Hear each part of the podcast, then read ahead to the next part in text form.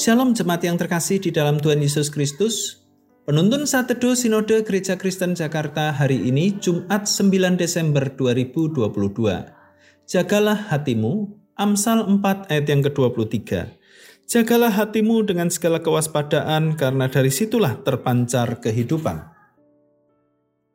Mungkin Anda tidak asing lagi dengan kalimat ikuti saja kata hatimu satu kalimat sederhana yang seakan memberi motivasi, namun frasa ini memberi kesan bahwa apa pun yang dinyatakan oleh hati manusia, jika kelihatannya positif maka harus diikuti, walaupun bisa saja bertentangan dengan kebenaran. Namun pesan-pesan seperti inilah yang dunia suarakan. Ironisnya, orang percaya pun bisa menganut dan menyuarakan paham seperti ini. Apa pun yang kamu hadapi dan apa pun keputusan yang harus dibuat, just follow your heart seakan-akan itulah kebenaran yang akan menentukan arah hidup. Sementara siapa yang dapat menjamin bahwa kata hatinya selalu benar? Injil Markus menulis sebab dari dalam hati orang timbul segala pikiran jahat. Bukankah ini menunjukkan betapa berbahayanya hati manusia bila tidak diterangi kebenaran? Apa yang Alkitab nyatakan tentang hati manusia sehingga kita tahu bagaimana bersikap Amsal 27 ayat yang ke-19 menulis demikian, seperti air mencerminkan wajah, demikianlah hati manusia mencerminkan manusia itu.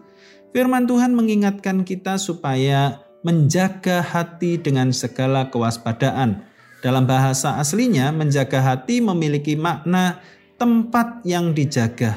Seperti seorang penjaga yang selalu sigap dan siaga berdiri menjaga sebuah penjara penjaga itu akan memastikan keamanan dengan baik, sebab sedikit kelalaian saja bisa mendatangkan celaka. Demikian pula kita perlu menjaga hati dengan baik. Melalui perenungan hari ini, kita diingatkan bahwa menjaga hati sangat diperlukan. Kita menjaga hati agar tetap berada di jalur yang Allah kehendaki. Menjaga hati dilakukan dengan tekun berdoa, membaca dan merenungkan firman Tuhan, serta hidup bergantung pada Allah. Menjaga hati juga dilakukan dengan kerelaan untuk menanggalkan keinginan daging, serta kerelaan untuk senantiasa dipimpin oleh rohnya. Hanya dengan cara itulah hati kita akan terus diperbarui dan hidup kita memuliakannya. Seperti air mencerminkan wajah, demikianlah hati manusia mencerminkan manusia itu. Selamat beraktivitas, Tuhan Yesus memberkati.